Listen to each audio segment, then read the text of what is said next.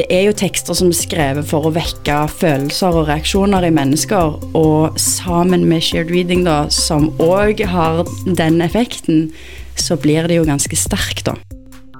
Hallo og velkommen til Sølvbergets podkast. Jeg heter Åsmund Odnøy og sitter i dag sammen med Alvilde Tobiassen og kollega Tale Dobbert. Eh, og det er fordi at vi har en slags Hva heter det på restaurant når du har fått, fått desserten, men så får du noe etter det igjen? Eh, så, I anledning denne serien vår om gift av Alexander Kielland. Den tok vi jo et uh, tårevått farvel med for et par uker siden, for vi har lest denne boka i høst. Uh, og grunnen til at du er her, Alvilde, er en uh, helt spesiell hendelse du har gjennomført i høst, som er òg veldig giftrelatert. Kan du forklare oss din link til denne romanen, 'Gift' av Alexander, Alexander Kielland? Jeg har um, I høst så har jeg gjennomført et prosjekt med en elevgruppe på en videregående skole i Stavanger der jeg har lest hele Gift sammen med den gruppa. Og sånn, Hva er det første ordet du vil bruke for å beskrive eh, den opplevelsen? Eh, den har vært veldig bra. Det var kanskje ikke det du ville. Et ord. Det var ikke et ord. fantastisk. Jeg føler det dekker ikke nok. Ja. hva er det som har vært så fantastisk med det? Den eh, leseopplevelsen Eller du, du, får en sånn ek, Du ser en leseopplevelse skje. Hvordan ser en det? Hva er det en ser da? Eh, jeg vet ikke om dere sånn, hvor, hvor, mye litteratur dere leser, men når man leser for gledens skyld og, og opplever at det er relevant i livet, og at eh, man, det er gjenkjennelig, og dette har jeg hørt om eller jeg har lest om før, og når du ser det skje hos elever, da, så er jo det veldig fint. Jeg har fått en veldig fin mulighet til det, for vi har gjennomført det prosjektet med en shared reading-metode, og der framprovoserer du jo eh, sånne type opplevelser i tillegg, da. Mm. Vi, skal snakke mer om uh, shared reading, men jeg er bare litt nysgjerrig på hvordan, hvordan har du um, innsett eller forstått at, uh, at, det er dette som har skjedd? Har du, kan du se det på elevene i, når du har lest for dem, at de tar det til seg? Ja. ja. Det, ja, at man kan se at elevene opplever de tingene, og, og gjerne òg uttrykker det både med kroppsspråk, men òg at noen reiser seg og reagerer verbalt på handling ja, okay. Men ta kroppsspråket først. Hva er kroppsspråket til en som eh, liker å høre gift bli lest for seg? Eh, smilende eh, og leende. Eh, og òg mye mm, eh, følelsesmessig engasjement. Sant? At man liksom hever øyenbrynene, åpner munnen, rister på hodet dunker i sidemannen for å eh, for å få anerkjennelse. Fikk du med deg det? sant? Wow. Så det har jo vært, det har vært fint. Ja. Dette må jeg jo bare si at det går imot liksom alle fordommer man har mot ungdom. Eh, det, for meg var det så overraskende at det har gått så bra å lese Gift, og at du har fått så mye engasjement. Og så tenker jeg at du har vært utrolig tøff, som har liksom tatt en klassiker og tenkt at nå skal jeg engasjere ungdommen. Så jeg lurer på, Var de så engasjert allerede fra første side, eller hvordan begynte det? Er det noe som har utvikla seg over tid? Ja, du vet det der, det der ordtaket sånn der 'ungdommen nå til dags'. Ja. Det bare Det stemmer ikke overhodet. Jeg tenker jeg er så glad for at de som er ungdommer nå, det er de som er framtiden i morgen.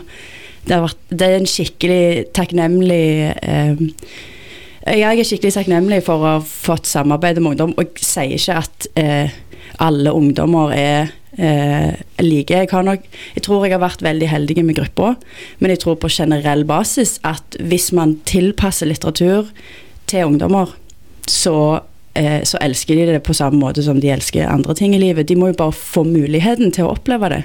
Og det er jo det som har vært veldig Ja, jeg har vært, vært veldig takknemlig for å få gjennomført dette prosjektet på den måten, fordi man ser faktisk at eh, elevene gleder seg over å ta del i en historie. Mm. Ja. Det er jo mye snakk om at uh, dagens uh, unge, og for så vidt vi, jeg, vi som er eldre òg, har veldig vanskelig for å holde konsentrasjonen over lengre tid. Mm. Har du måttet gjort noen uh, grep? Har du hatt mobilfri sone f.eks. når du har lest, eller sånn for liksom at alle skal være fokusert på nettopp eh, selve leseopplevelsen? Eh, ja, eh, nå har jeg brukt eh, shared reading-metoden, og den er, jo, den er, lagt opp sånn at du får tildelt deler av teksten. Vanligvis leser man jo en novelle, men det er lagt til rette for at man òg kan lese en roman. Men da deler du ut på en måte tekstdelene. Så elevene kunne velge sjøl om de ville lytte eller lese med teksten. Og det er jo litt uvanlig fordi man leser ganske seint i shared reading. Eh, for å legge litt mer merke til nyansen og sånn. Så eh, noen av de var frustrerte over at eh, det leses så seint, så det er vanskelig å følge med på papiret. Men etter hvert så kom de jo inn i det. Nå hadde vi ti samlinger.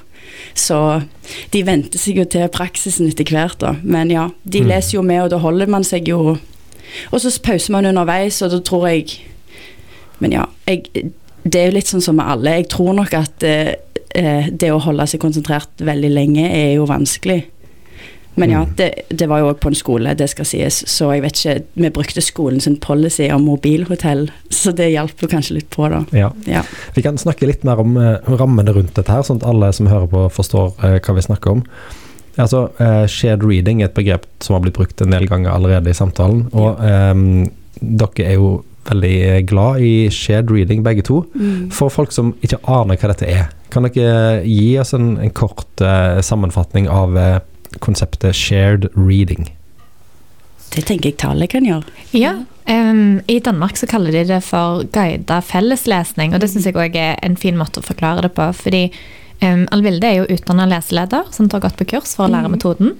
Eh, og det hun har gjort da, er jo det hun har forklart, at som leseleder så leser man høyt for en gruppe.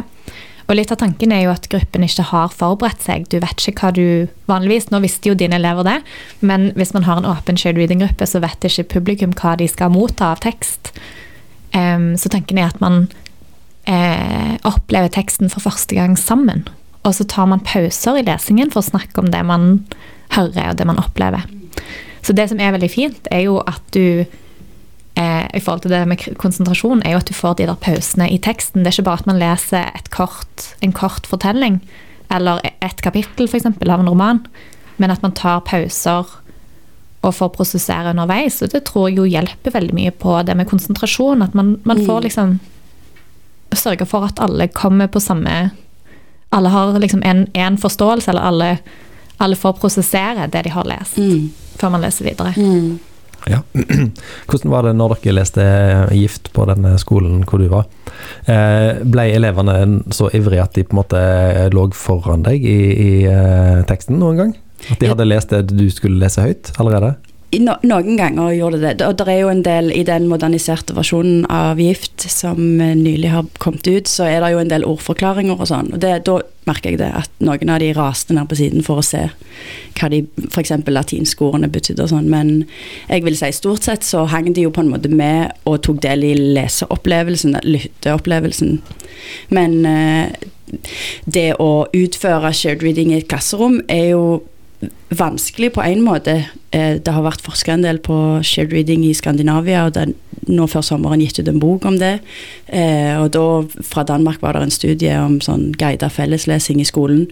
Da snakket de om at utfordringen er jo at i skolen så har man en etablert praksis, sant? at det kan være vanskelig å i en skolesetting innføre en ny praksis for elevene. Det er veldig annerledes enn vanlig undervisning. Altså, for jeg stiller jo åpne spørsmål sant, til teksten underveis. Og der er ikke målet med samtalen at elevene skal komme med svar som er riktige eller feil. Det handler mer om opplevelsen i seg sjøl. Ja, og det vil jeg tro er veldig fremmed for uh, elever som vil ha en karakter, eller, uh, Mm, eller at de som ikke er sikre på at de har rett, at de tør å ta ordet, f.eks. mm. Det er jo eh, Det kjenner alle jo igjen fra sin egen skolehverdag, at det er de flinke som uh, De som vet hva læreren vil ha, som snakker. Mm, men det som er fint her, er jo at eh, her, eh, her tar man jo på en måte tak heller i nyansene. Sånn, hva legger man merke til? Og så får man samtaler utover kanskje det man ellers hadde tatt tak i av et avsnitt, eller ja. Det er jo mye av de der leseundersøkelsene fra PISA sånn som sier at de Og, og forskning på hva man egentlig leser i skolen. Der leses jo mye klassisk litteratur i skolen, men hovedsakelig i utdrag, da. Og mye av tilbakemeldingen jeg fikk av elevene, var på at det var kjekt å ha lest et helt verk i en helhet, og ikke med noe sånn som de sa, i hermetegn mål og mening. Sant? At vi leste det for at det, vi skulle på en måte ha glede av det, da. Det var hovedfokuset med lesingen. Og Mm. da tror jeg man får en helt annen opplevelse av litteraturen da, enn Ja. Hva, Ja. hva var din rolle på Godalen? Hvorfor fikk du disse ti ukene til å eh, gjøre dette? For du er jo ikke lærer på Godalen, så vidt jeg har skjønt. Nei, det er jeg ikke. Jeg var veldig heldig og fikk eh, jeg, eller, jeg skrev en masteroppgave om, eh, i lesevitenskap. Derfor så får jeg gjøre de undersøkelsene, fordi jeg samarbeider med Kielland-senteret her på Sølvberget om å skrive den oppgaven, og da bruker de Godalen, eller de har de som samarbeidsskole.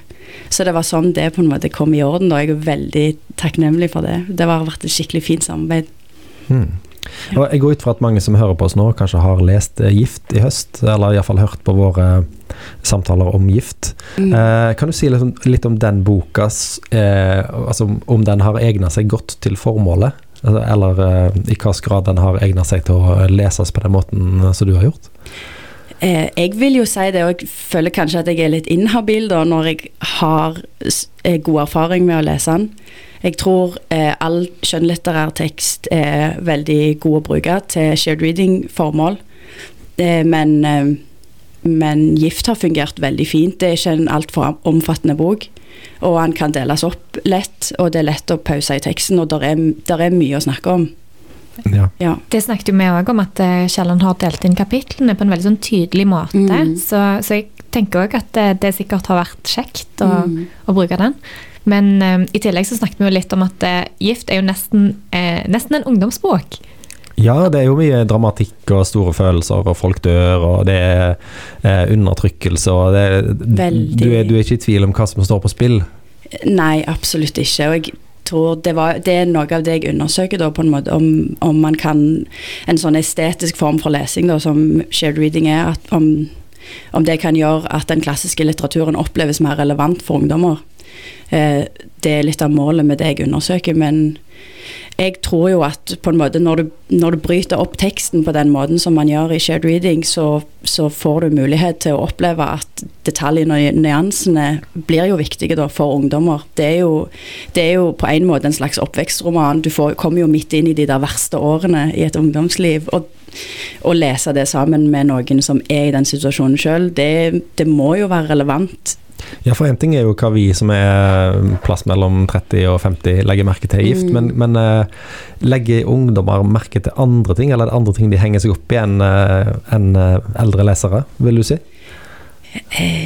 Ja, de henger seg opp i andre ting enn jeg, i hvert fall. Ja, hva da, for Og jeg kan jo ikke snakke for alle 30-50-åringer, men eh, eh, de hang seg veldig opp i forskjellen mellom kvinner og menn.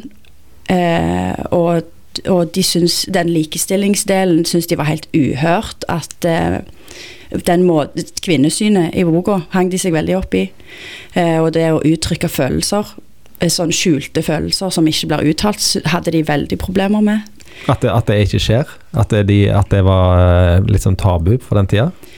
Ja, de applauderte jo på en måte det å leve ut sine egne følelser, og argumenterte skikkelig fint og godt for eh, de forskjellige vurderingene som personen i boka gjør, men de tok jo òg samtalen videre. Hvorfor diskuterer de ikke dette aspektet, og hvorfor får ikke hennes stemme bli hørt på dette området? Eh, hvorfor behandles hun på den måten? Og det er jo veldig til tider da eksplisitt undertrykkende kvinnesyn i boka, eh, som jeg tenker er selvfølgelig en gulrot for samtale, men eh, når vi hadde diskutert det, så tok de det jo opp igjen ved senere anledninger òg, at det er utrolig synd at du ikke får høre mannen sine tanker og følelser om denne situasjonen som blir eh, så detaljert beskrevet av en mannlig forfatter. De syns sånne ting var rart, at mannen fremstår som så kald og eh, ja, Ja, da snakker vi om, eh, om eh, Karsten Løvdahl, da. Ja. Faren til Abraham. Ja, de var veldig opphengt i det forholdet mellom hun fru Wenche og Karsten, ja. De var opphengt i det, og på en måte den, At de virker så lite samstemte og ikke overens. At det er rart at nesten de lever et liv sammen. Det er jo veldig, veldig fint og interessant.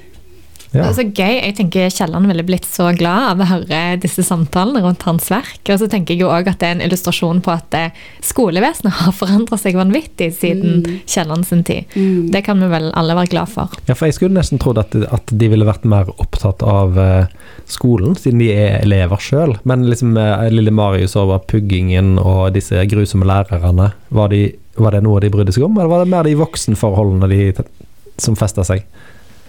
Jo, men boka er jo skrevet i et veldig sånn voksenperspektiv, da. Du, du tvinges jo på en måte inn i det voksne perspektivet.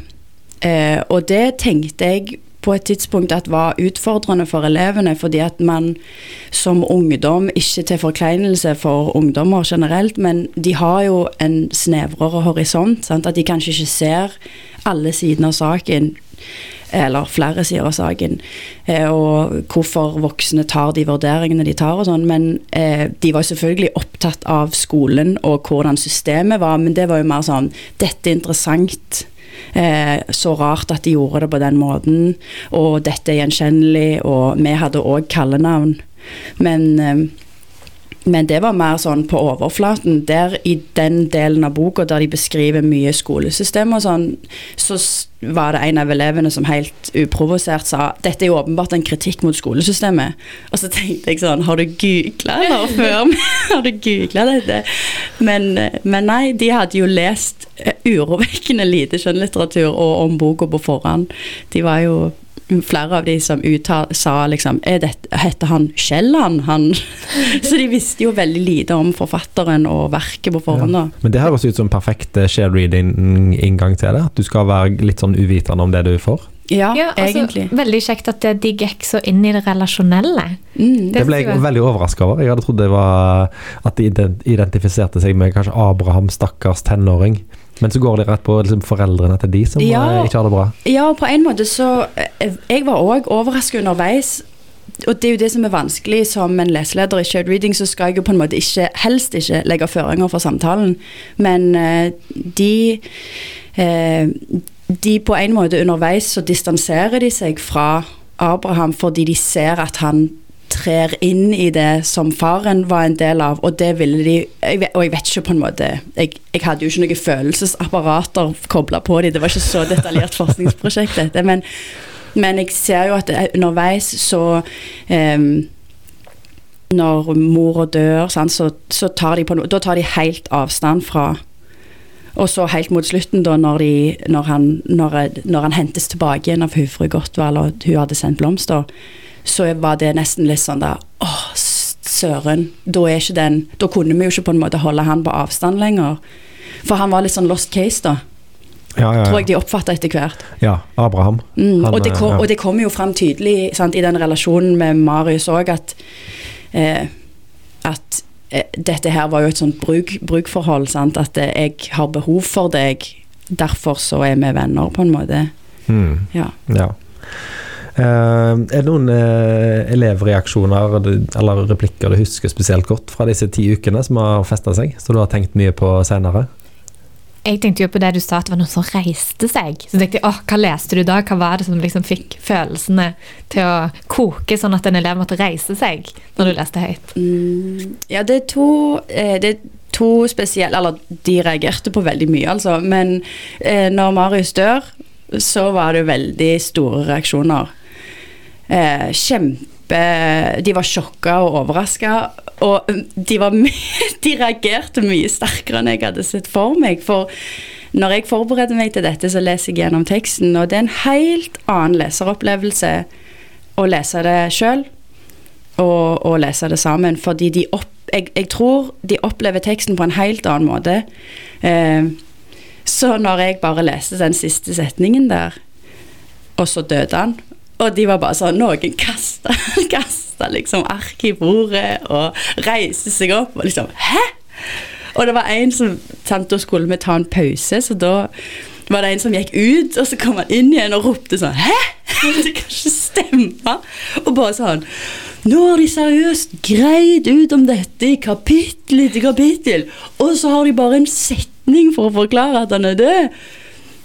For for de så underbygde jo òg det noe vi hadde diskutert mye tidligere, at han blir jo ikke tatt på alvor. sant? At han de later som de anerkjenner han, og så gjør de jo egentlig ikke det. Og det blir så ekstremt tydelig formidla av Kielland at han, han koster bare en halv setning på han, sant? Og det er ingen forklaring av hva mensa rotunda betyr. De var liksom sånn Hva betyr det? All den latinen. Sant? At de var opprørte over at du på en måte det der ironien i øyeblikket, da, det er jo det Kielland kanskje er veldig god på. At han på en måte setter det så ekstremt på spissen. Så sånn sett så tenker jeg jo at Kielland kanskje er veldig bra for shared reading. For det, det er jo det er jo tekster som er skrevet for å vekke følelser og reaksjoner i mennesker, og sammen med shared reading, da, som òg har den effekten, så blir det jo ganske sterkt, da. Men ja, det var en sterk eh, opplevelse.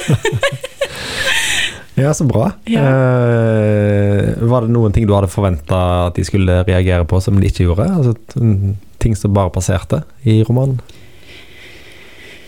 Ja, for det er jo det som er vanskelig når du eh, som sånn, i hvert fall relativt erfaren leser, som jeg er nå, etter å ha tatt en del år med lesevitenskap og literacy og sånn, så tenk Jeg tenker nok eh, mer analytisk på tekster. Og eh, det som er overraskende, er jo at elever er jo òg veldig trent på det området. Eh, og kanskje det som overraskte meg mest, eh, er jo hvor eh, hvor sånn efferente lesere de er. De, på en måte, de er veldig tekniske. Og vi brukte lang tid på å etablere en praksis der jeg leide ikke etter noen riktige svar. Dere kommer ikke til å vurderes i dette arbeidet. For der var de veldig fort inne på eh, beskrivelser og fortellere og tid og sted. Og så var jeg litt sånn Dette så, har jo ingenting med opplevelsen av lesing å gjøre. Og det er vel kanskje det som har overraska meg mest, hvor liksom teknisk til verks de går til boka. Der jeg kanskje Og jeg har ikke veldig mye shared reading-erfaring heller, men den erfaringen jeg har, eh, der skjønner de kanskje kjappere at dette handler om teksten og meg. Ja. Ja. Men jeg må kanskje være på utsida av skolesystemet i noen år for å liksom få vaske av seg den der eh, analyselaget som en har på seg etter å ha hatt norsk i 13 år. ja For jeg forbinder jo Jeg hadde jo ikke lyst til å lese ei bok etter at jeg var ferdig med videregående. Nei, Det gikk lang tid før jeg fikk lyst til å lese noe av egen glede. Nei, jeg forstår veldig godt eh, Jeg vet ikke når du leser forskningsresultater på PISA og LISA og alle de testene som går på å lese engasjement hos elever og sånn. Jeg forstår så godt hvorfor elevene er sånn Når de sier 'nå er det bibliotekstime', og alle elevene er sånn åh. Jeg, ikke, jeg tror jeg tar den med mest bilder. Må, det er bare noe de må gjøre. Det er ingen glede, og det er, ikke, det er ingen relevans for livet. Og er det er jo et tap holdt jeg på å si, for samfunnet at ungdommer som vokser opp nå, de, de får ikke ta del i den opplevelsen det er å lese. Lære mer om seg sjøl og sitt eget liv, og òg samfunnet rundt seg. Ja, men ja, Betyr det at, at uh, norsk litteraturundervisningen ikke har forandra seg så mye siden jeg var russ for uh, altfor mange år siden? At det, det fortsatt er veldig sånn uh, lete etter virkemidlene og budskap og tema og eh, synsvinkel og, og motiver og jeg vet ikke hva? Altså Er det, er det fortsatt den måten en leser skjønnlitteratur på i, i den norske eh, videregående skolen? Veldig mye forskning, og nylig forskning viser at det er tilfellet, ja.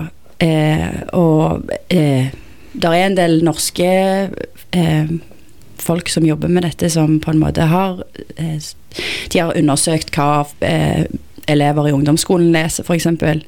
Det er urovekkende lite, og Eh, og på en måte lesemotivasjonen og lysten til elevene er jo veldig lav, da. Eh, og det, der ser man jo òg at sant, mye av grunnen for å få bukt med det, er, eh, er at man leser utdrag der man spesifikt ser etter teknikker for enten å videreføre det til egen tekst, eller å hente ut sant, klassiske virkemidler og lære om tidsepoker. Det handler mer om kontekst, sant, tekst i kontekst osv. At du skal kunne bruke det til noe.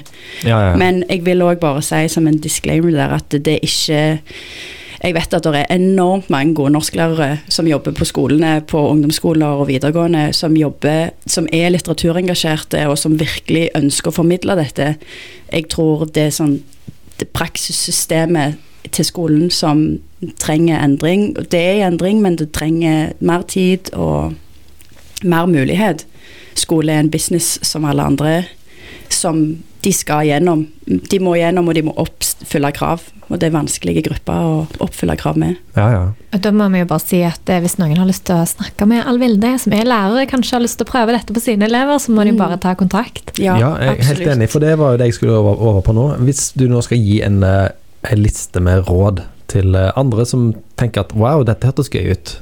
Uh, shared reading i, Ja. i skolesammenheng. Mm. Uh, har du noen sånne tips og triks til hva en bør gjøre? Eh, jeg ville anbefalt, hvis du har muligheten til det, å ta leselederkurs. Eh, og eh, det vet jeg at det organiseres. Der er en Facebook-gruppe der du kan få informasjon. Em, som Tale vet mye mer om enn meg. Jeg er egentlig ganske nybegynner i feltet, men så har jeg lært en del om det via studier osv. Men em, det som jeg tror er hovedutfordringen, det er å ha god tid. Planlegge god tid. Og det vet jeg at i en skolehverdag er utfordrende til tider. Men jeg ville satt opp som et eh, prestasjonsfritt rom eh, uten vurdering, og at man leser eh, Hovedmålsetningen må være at man skal lese for at elevene skal få oppleve litteraturen. For jeg tror eh, ja, det er masse jeg kunne sagt om det, men ja, hvis jeg skal holde meg konkret til den lista, da, så tenker jeg at det viktigste er å ha god tid, og, og, og kanskje vurdere om man skal spille på en skolebibliotekar for at det skal komme noen andre inn og lese for deg. Fordi at eh, jeg tror elevene i den praksisen som man har i klasserommet, gjerne med norsklærer, da, tror jeg at man gjerne er, man er for låst i en sånn eh, jeg som lærer forventer visse svar av deg som elev, eh, og at den er vanskelig å bryte når du når du er lærer for elevene. Så kanskje det hadde vært en idé hvis man har muligheter til å eventuelt bytte klasse, hvis man har timer på likt, bytte lærere, for å mikse det litt opp. For jeg tror eh, ikke at den der 'jeg kjenner elevene mine best, og derfor bør jeg lese med dem', det er ikke det som er det viktige her. Det viktige må jo være at elevene skal få en leseopplevelse. Ja. Og, og shared reading er jo noe vi praktiserer nesten daglig, vil jeg si, på Sølvberget. Vi har mange shared reading-arrangement, bl.a. med Mm. Tale som eh, leseleder, stemmer ikke det? Jo det Jo da, mange av våre ansatte har jo vært på shared reading-kurs, og vi har hatt det på, vi har hatt det på fransk og serbisk og alt mulig. Denne uka er det på polsk òg, egentlig. Po- Vi har hatt det på polsk og ja, Ja. ja, ja. Sånn at eh, vi skal legge en link i episodebeskrivelsen hvor dere kan eh, se alle våre shared reading-arrangement, og, og ta gjerne kontakt på podkast.solberget.no, så skal vi eh, med glede formidle shared reading-linker i alle retninger til dere som syntes det hørtes eh, interessant ut. Um, og 'Gift', sånn som jeg skjønte det på deg, er egentlig en bra bok å lese som Mm. uh, i, denne, i denne settingen. Og det sier vi helt uten våre bindinger til Kielland-senteret og Sølvberget, og at vi Mm. elsker Kielland døgnet rundt. Men det er jo det er jo det er en bok med store følelser, og hvor en eh, kommer tett på problemstillingene og livets eh, liv og død. og Ja, jeg, jeg vil anbefale den, og jeg, og jeg tror eh, klassisk litteratur er kjempeviktig å undervise til elever, og spesielt kanskje i den fasen ungdomsskole videregående. For de har en helt annen evne, sånn følelsesmessig, tror jeg, til å sette seg inn i eh, det som blir formidla i bøkene. Og da tenker jeg at det er en gyllen mulighet til å formidle den klassiske litteraturen. Eh, jeg, og jeg jeg, jeg syns det, det, det er dårlig gjort mot verkene som er produsert, å ikke lese de i helhet. Veldig bra. Da eh, håper vi alle fikk lyst til å lese eh, Gift, selvfølgelig, men òg fikk lyst til å prøve seg på shared reading, eller oppsøke et arrangement for å bare se hvordan det er. Og det er jo sånn på shared reading, iallfall på Sølvberget, at eh, hvis du vil, så kan du bare komme og høre på den som leser, og så kan du gå hjem igjen uten å si et ord. Mm. Det er ikke et krav at du skal sitte der og være veldig eh, åndfull og reflektert over det du har lest. Og det jeg også er noe av det gøyeste, som jeg tenker er er kult for ungdom, er jo at du det er lov med følelser, og det betyr at når du er irritert på hovedkarakteren, så kan du bare si det! Mm. At det er liksom Hvis du har masse sinne i deg, så er det lov å komme med det òg. Alt er lov. Uh, Alvilde, når kommer det en, et, uh, en oppgave fra deg ut fra dine opplevelser med giftlesingen? Jeg, jeg håper at det er klart i mai. Så innen det så eh, Ja, jeg holdt på å si hvis folk vil lese det, så mm, kanskje man må henvende seg. Jeg er litt usikker på hvordan man publiserer det. hvis du gir ja. oss et vink, så skal vi få delt den lenken med de som vil ha den. Kjempefint, ja. Og jeg tror kanskje Jeg skal ikke si det for sikkert, men jeg lurer på om jeg kanskje skal si noe om det på et tidspunkt sammen med Hanna, som jeg jobber på Kiellandsenteret. jeg vet ikke. Vi lar den bare henge i lufta, så Ja, kommer, det, så kommer det noe spennende på et tidspunkt fra Alvilde og Hanna eh, om noe eh, som skal skje i framtida. Det veldig I gøy. denne retningen. Ja. Det blir sånn bra cliffhanger på Skikkelig bra cliffhanger. Eh, Taler Alvilde, takk for at dere kom. Tusen takk. Tusen takk. Det var så gøy.